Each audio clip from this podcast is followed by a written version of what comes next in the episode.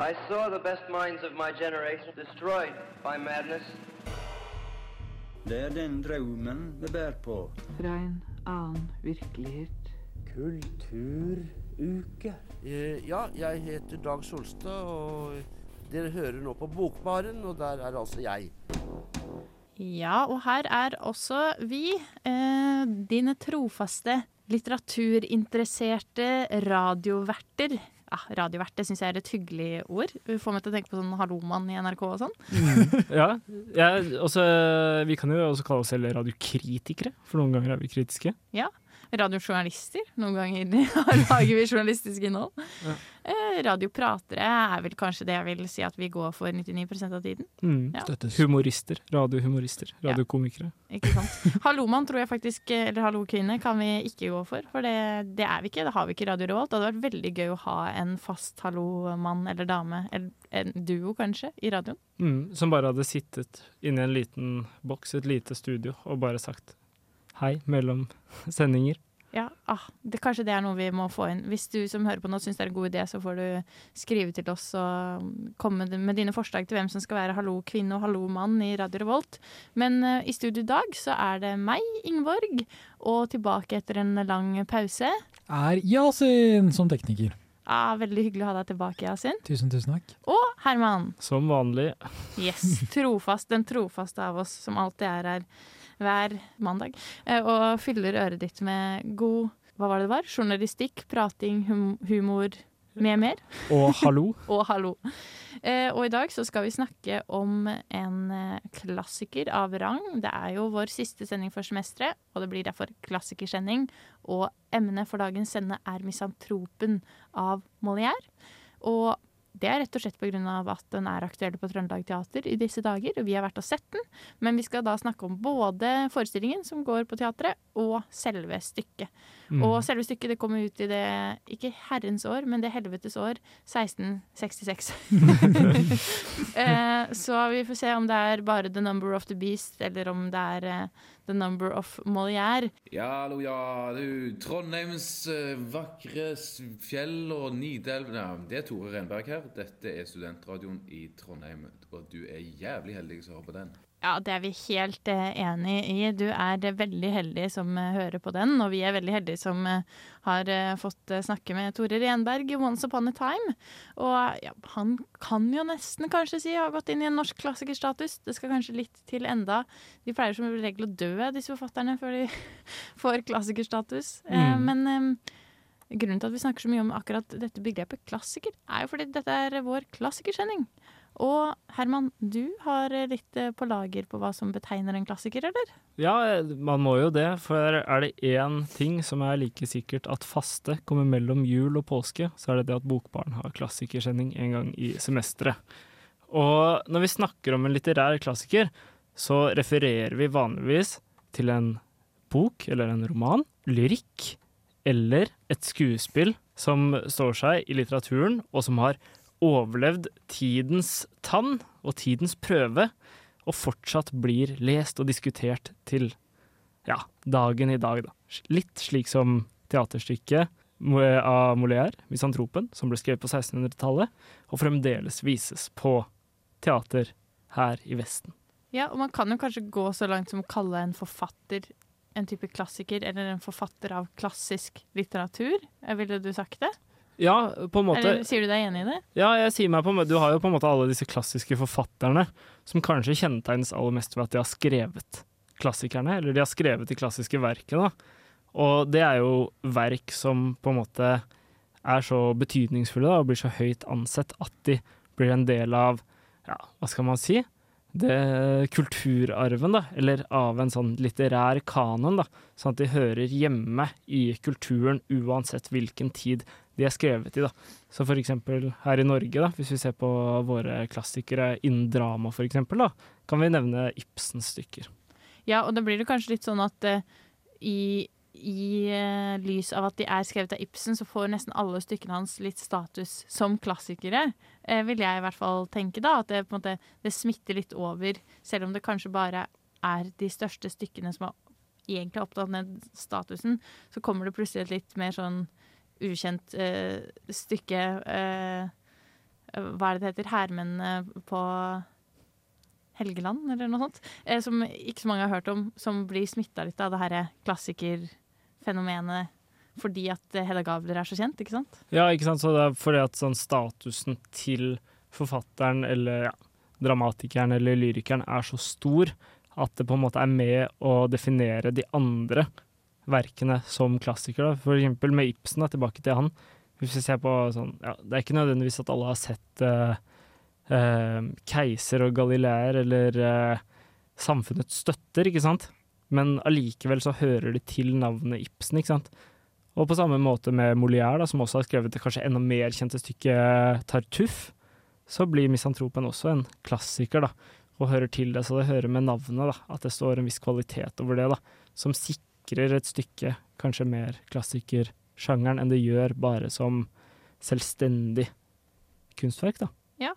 Eh, vet dere noe om hvordan dramaets posisjon har stått seg innafor det her? Altså, du sier jo at Ibsen for eksempel ja, har vært eh, sterk. Shakespeare eh, regner man jo også som en klassiker. Får det litt ekstra tyngde fordi det er tilhører den sjangeren av litteratur? Dramatikk? Ja, fordi at vi har jo liksom Ja, du har jo eh, Vi har jo Ja, innen, innen drama så har vi jo eh, komedie og tragedie, og det er jo mange av mange av disse stykkene som er det. I Bokbarn snakker vi jo kanskje mest om eh, disse tragediene, men uh, komedien som Molière ja, jeg vil, vil kanskje si det at uh, sjangeren, da, eller uh, ja, dramasjangeren, løfter opp verkene fordi at det ses av så mange i teatret, på en måte, da, og blir tidløst og kan løftes frem og tolkes på nytt, da, på litt ulik linje i forhold til en roman, da, kanskje.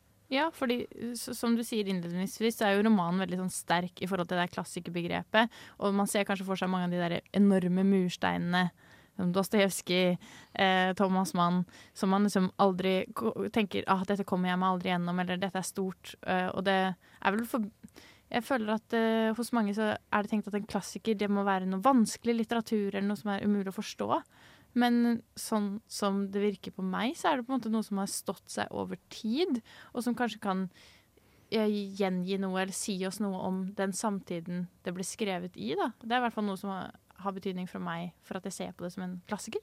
Ja, ja, jeg er helt enig, helt enig med deg. For meg blir på en måte klassikeren de eh, litterære verkene som vi i alle tider kan relatere til, uansett hvilken samtid vi befinner oss i. Ja, og vi skal snakke mer om eh, hva som kjennetegner klassikere, og prøve å trekke det litt inn mot eh, misantropen og Molière. Eh, hva som har gjort eh, Molière til en klassisk dikter. Er det emnene han tar opp, er det måten han skriver på? Eh, ja, jeg heter Dag Solstad, og dere hører nå på Bokbaren, og der er altså jeg. Ja, og i Bokbarn er også vi. Eh, vi snakker om eh, Molière, og vi snakker egentlig mest om hans stykke 'Misantropen'. Men eh, akkurat i dag så er det da selveste Eller akkurat nå så er det selveste mannen som står i fokus. Og Molière, det var rett og slett et stage name. eh, godt gammeldags. Eh, altså Madonna tok Madonna, han tok Molière. Eh, men det er da short for Jean Baptiste Poquelin. Og han ble født i Paris i 1622. Og hvis du husker riktig fra i stad, så vil det si at ehm, han begynte å produsere ganske tidlig. For Molière utga sitt første stykke når han var 21 år. Og han var ja, som Ibsen, vil jeg kanskje si. Noen sier at Ibsen var en lat eh, eh, dikter. Jeg tror det er Dag Solstad som sier det.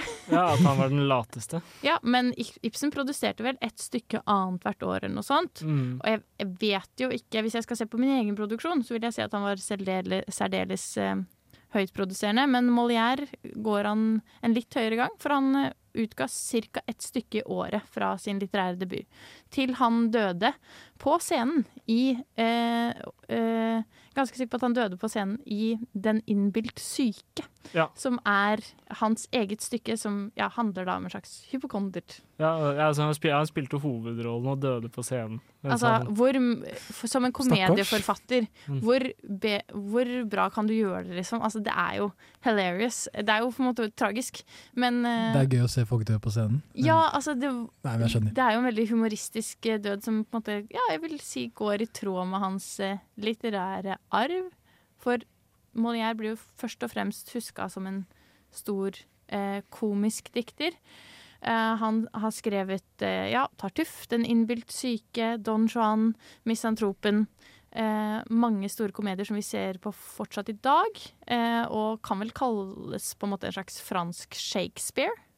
Eh, og ja, Herman? Ja, han går vel eh, Vi kan vel si at han går inn i tradisjonen på lik linje med liksom Ja, med Ibsen, Shakespeare og Tsjekhov, da, som kanskje de største vi har sett. Ja, Og han var jo en diskutert skikkelse i Paris. Det kan man si. Eh, akkurat som Ibsen var jo en debattert og diskutert skikkelse i Kristiania. Eh, han hadde sine tilhengere, og han hadde sine motstandere. Em, han satte jo litt problemer under debatt med disse stykkene sine. Han eh, tar opp mye hykleri eh, det, når det gjelder eh, religiøst hykleri, som i Tartuffe. Eh, hvor du har en sånn Den skinnhellige, som det blir oversatt til på norsk. Hvor du har en from mann som på en måte gir seg ut for å ha masse gode hensikter, men som egentlig er en lurendreier og prøver å lure deg. Eh, og i Misantropen så angriper han jo på en måte den litt her bourgeois eh, borgerskapet Mm. eh, og liksom moral, dobbeltsidighet. Eh, og vil på en måte sette seg litt i konflikt med det. Mens i Don Juan så er det kanskje mer mot ja, litt mot kirken igjen, da. Eh, at det er ingenting som skal bestemme over menneskeheten. Menneskene skal bestemme over seg selv. Eh, og derfor ble han jo særdeles upopulær, blant annet med kirken. Ja, det var jo sett på, i hvert fall Don Juan ble jo sett på som helt eh, radikalt, og ja, kirken vil ville jo ikke ha noe med det å gjøre. Og det er veldig spennende å tenke på, med tanke på at dette ble skrevet på 1600-tallet. Ja, det er det. Vi skal sikkert snakke mer om eh, Molière etter hvert. Sex with you is really a Kafkaesque experience. Thank you. Bokbarn. Ja, noen ville kanskje sagt at det er en kafkaesk experience, eller opplevelse, å lytte til Bokbarn òg. Enig. Ja, eh, Mm. det tar vi som et kompliment. Eh, vi tolker det som et kompliment. eh, men jeg sa jo at eh, Molière gjorde seg særdeles upopulær til tider, og blant annet med dette stykket Tartuff, hvor han jo faktisk det er sånn veldig angrep på kirken. Han sier at en eh, geistlig, en mann av kirken, er en eh, kjeltring, liksom. Um, det ble for, faktisk forbudt av kirken. Men eh, Ludvig den eh, 14. Eh, 16.? 14.? 14. blir det. Ja. Ludvig den 14., ja. Eh, Solkongen, eh, godgutten sjøl, han likte å ha besøk av Molière og syntes at stykkene hans var veldig veldig morsomme. Og likte det her med at det utfordra eh, ja, alle samfunnets normer og regler, egentlig. Og egentlig gjorde litt narr av hans egen klasse. Men det var kanskje oftere borgerskapet og eh, han gikk for, enn liksom selve hoffet da, og adelen. Enig, og det er nettopp det som er tilfellet i Misantropen òg. Fordi Misantropen er jo en komedie som gir en skarp kritikk av sånn sosialt hykleri og overfladiskhet i det franske aristokratiet, særlig, eller borgerskapet, eh, på 1600-tallet.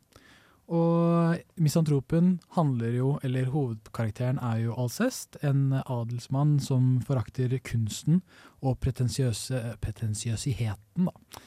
Pretentious Jeg klarer ikke å snakke norsk lenger, jeg har blitt så engelsk av ferien. Det pretensiøse. Det pretensiøse i samfunnet, og han er forelsket i eh, Selimen, en vakker og sjarmerende ung enke, kjent for sin flørtende natur og smarthet.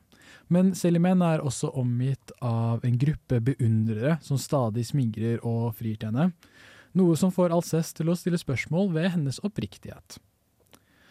Alcest, forakt for samfunnet og dets hykleri blir tydelig da, gjennom eh, stykket, eh, og gjennom interaksjonen han har med flere ulike karakterer som eh, blir med etter hvert.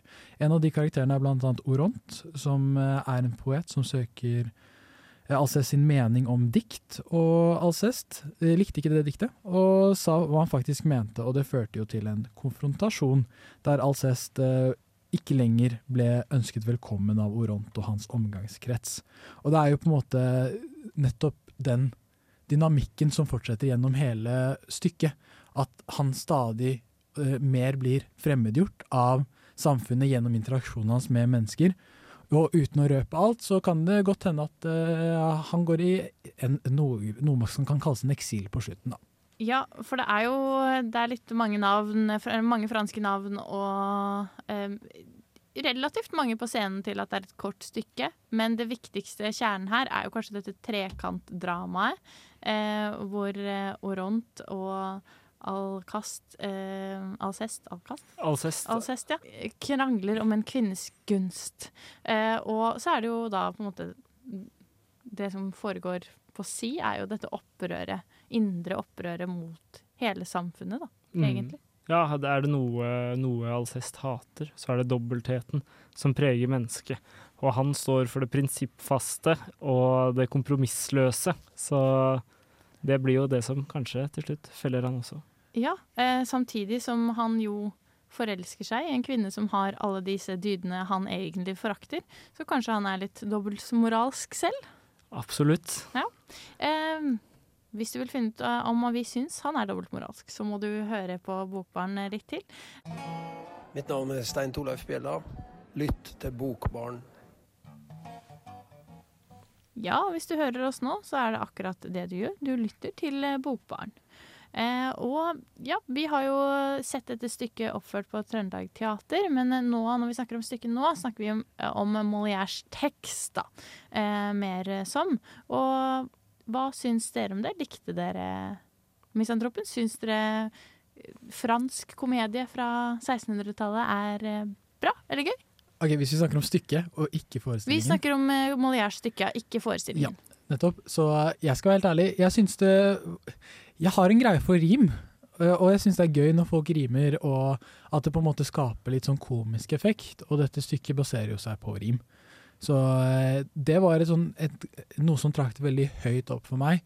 Og samtidig de temaene det drar opp med fremmedgjøring og, og kritikk av Frankrike, eh, eller på en måte fransk aristokrati på 1600-tallet, det faller midt i blinken. Så innholdsmessig og strukturmessig så likte jeg jeg likte stykket på papir, ja.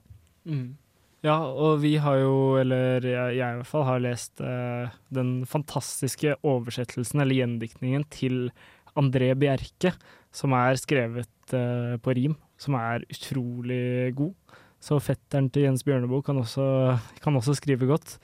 Men, eh, men ja, jeg er kjempeimponert. Altså, det stykket her eh, traff eh, virkelig for meg, og jeg føler at eh, Molière virkelig fanger eh, det menneskelige, da. For jeg tror vi alle kan ta oss i å være, være en misantrop iblant. Ja, det er det jeg syns eh, går igjen veldig i mange av stykkene hans òg. Eh, nå har jeg bare lest om mange, og det er Tartuff og Misantropen jeg har eh, lest og sett oppført. Og jeg har likt veldig, eh, begge to veldig godt. Og det er som du sier, Herman, det er det derre menneskelige at han har en veldig god evne til å se inn i for det første sin egen samtid, men bare se inn i det elementære menneskelige som ikke har noe eh, tidsbundet ved seg. For det jeg syns med hans eh, eh, komedier, er at jeg tenker ikke over at de er skrevet for 400 år siden. Eh, jeg føler at de er veldig dagsaktuelle. Jeg føler at mennesketypene er veldig gjenkjennbare. Det er folk man har i samfunnet den dag i dag, eller man kan kjenne seg igjen i rollene selv. Så det er noe sånn veldig sånn tidløst over det han fanger. Og Mm. kanskje det er fordi at uansett hva slags samfunnsstruktur vi har, eller styresform, eller form for industrialisering, så er på en måte noen av de grunnleggende menneskelige erfaringene like, da.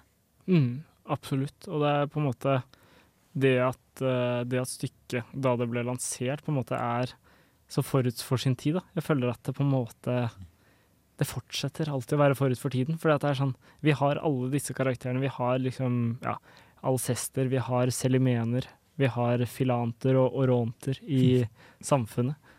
Så Ja, virkelig. Jeg tror folk lo høyt i teaterne i Paris, og selvfølgelig i andre franske byer òg. Eh, men jeg tror også det var litt sånn tomatkasting og potetkasting og sånn.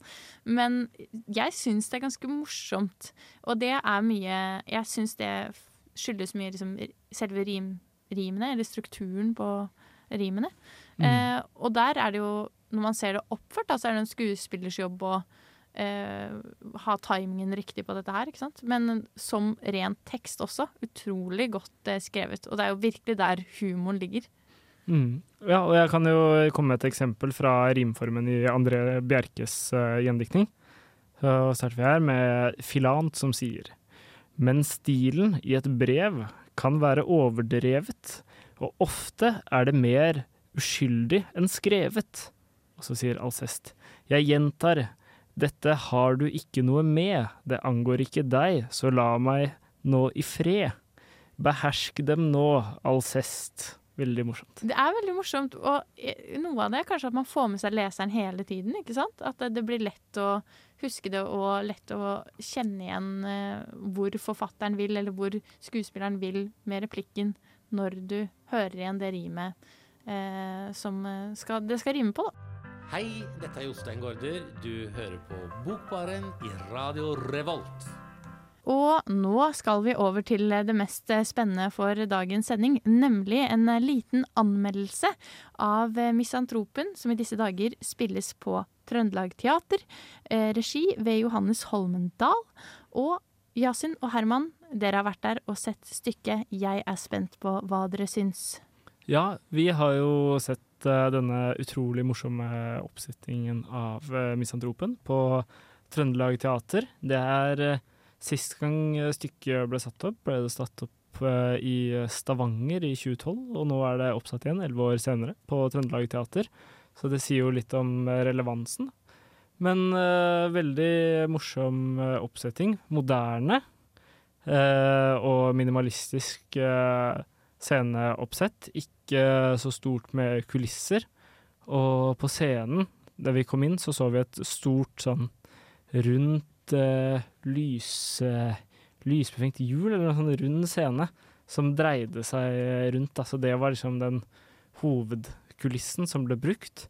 Ikke så, ikke så, mange, ikke så mange skuespillere heller. Det var uh, ja, Hovedkarakterene var vel Alcest, Selimen, Filant, Oront, Eliant, Arizone og Akast.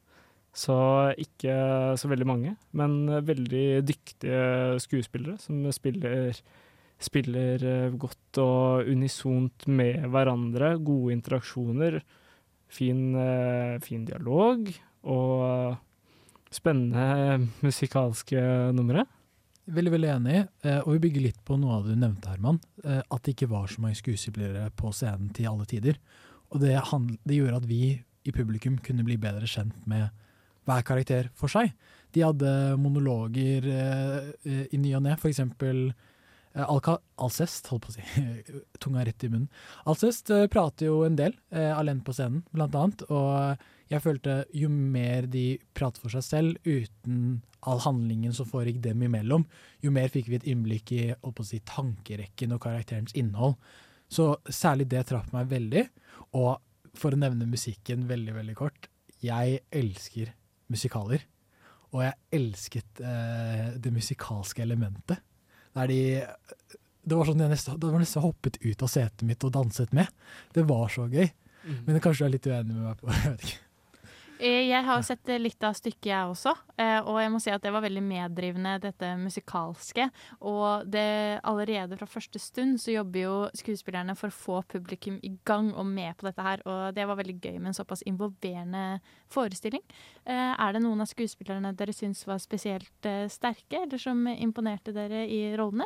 Ja, absolutt. Emma Caroline Deichman, som spiller Arizone, startet skuespillet med en sånn klapp klappeseanse med rytmer, der hun fikk publikum til å delta i å klappe i rytme med seg selv.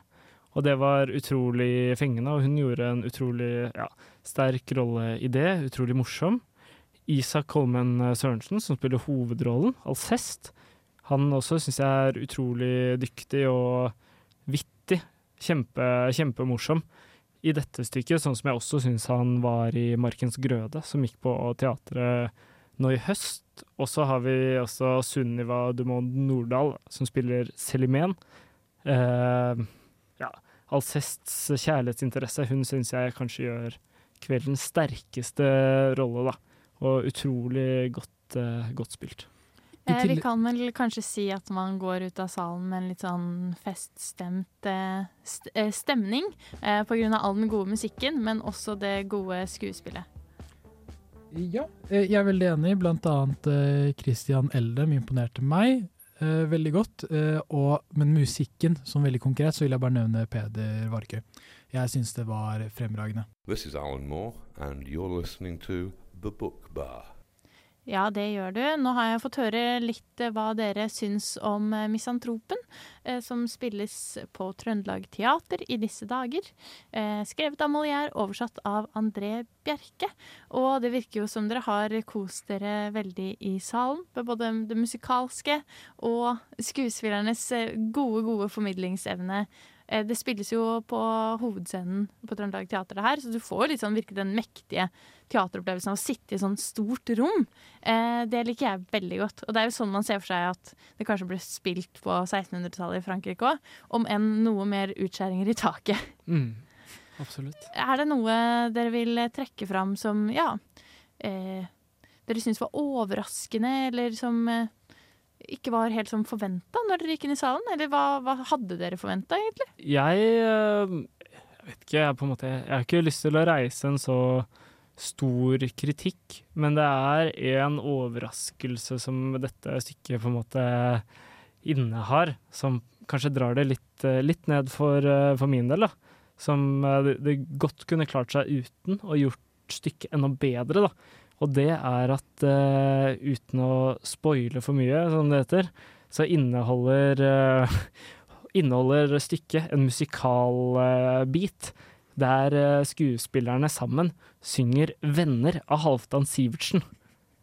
Og for meg så så er det liksom det store, store tapet i stykket, da. Det gjør det på en måte Det mister på en måte sin evighet, da. Og setter det veldig i tiden og gjør det veldig sånn Ja, det sitt, sitt, setter et tidsavtrykk på det som på en måte kanskje ikke er så passende for det store og det hele, da. Så på en måte Ja.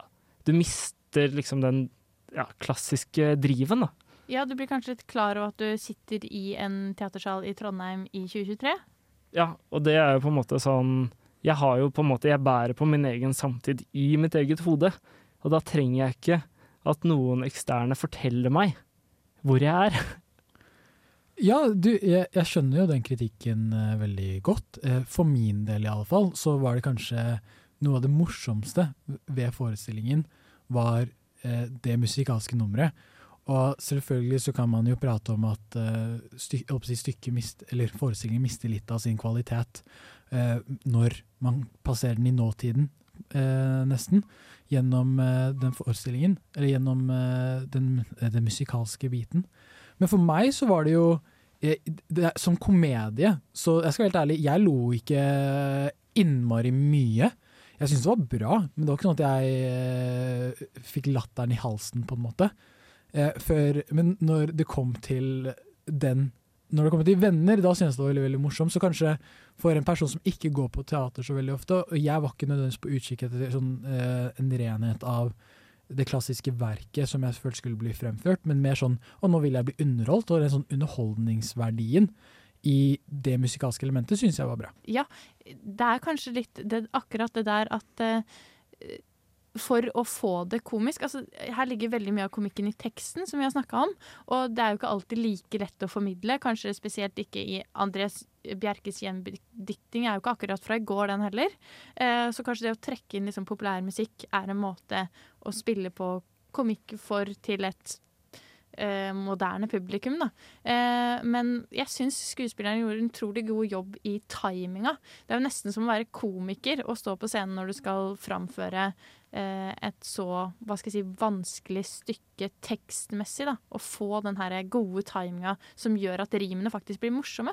Ja, veldig, veldig enig. Jeg, eh, I tillegg så vil jeg bare nevne kort at eh, det musikalske elementet passet ikke så godt inn i stykket i seg selv. Det var jo veldig Oi, dette var en overraskelse, på en måte. Så eh, hvis man på en måte, eh, Sammenhengen ble kanskje litt brutt, hvis jeg skulle nevne noe som helst. Men uh, iallfall for meg. Eh, Sivertsen er bra hver gang jeg hører på han, og jeg syns det var supergøy.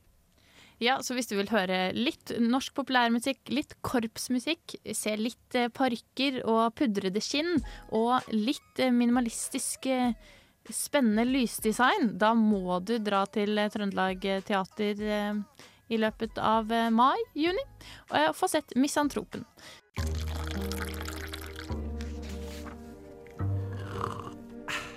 Du lytter til Bokbarn. Det gjør du, og det nærmer seg sommerferie også her i Bokbaren. Eh, Og nå har vi gitt et teatertips, det er å ta turen til Trøndelag Teater. Men vi skal også ha noen lesetips, og vi holder det i dramasjangeren. Herman, hva vil du anbefale lytterne våre å lese i sommer? Jeg vil eh, anbefale våre kjære lyttere å lese et skuespill eh, til av den norsk-danske flotte dikteren Ludvig Holberg. Og det også veldig relevante stykket hans, 'Jeppe på Bjerget', som også er satt opp på Nationaltheatret i Oslo nå. Har fått litt blanda kritikk der, men eh, absolutt eh, noe som står seg veldig bra. Jeg vil anbefale mysteriet Myrna Vepp. Eh, Det er vel et stykke som egner seg for å bli sett. Det er av, skrevet av Charles eh, Ludlam. Og hvis du er i Skiensområdet til høsten, så kan du få det med deg der. Utrolig morsomt. Eh, To, som, to roller som spiller åtte forskjellige karakterer på scenen. Ja, min anbefaling finner du ikke i Norge, du må dra til London for å se på den, og det er Harry Potter and the Cursed Child. J.K. Rowling sier iallfall at det er den åttende boken, så å si. Så jeg tror det sier seg selv hva den handler om, eh, iallfall 18 år fram i tid fra den originale Harry Potter-historien. Så litt mer Hogwarts for de som har eh, savna det. Da gjenstår det kanskje bare for oss å si god sommer. God sommer om vi ikke når dere før. Ja, og i mellomtiden, beles dere! God sommer.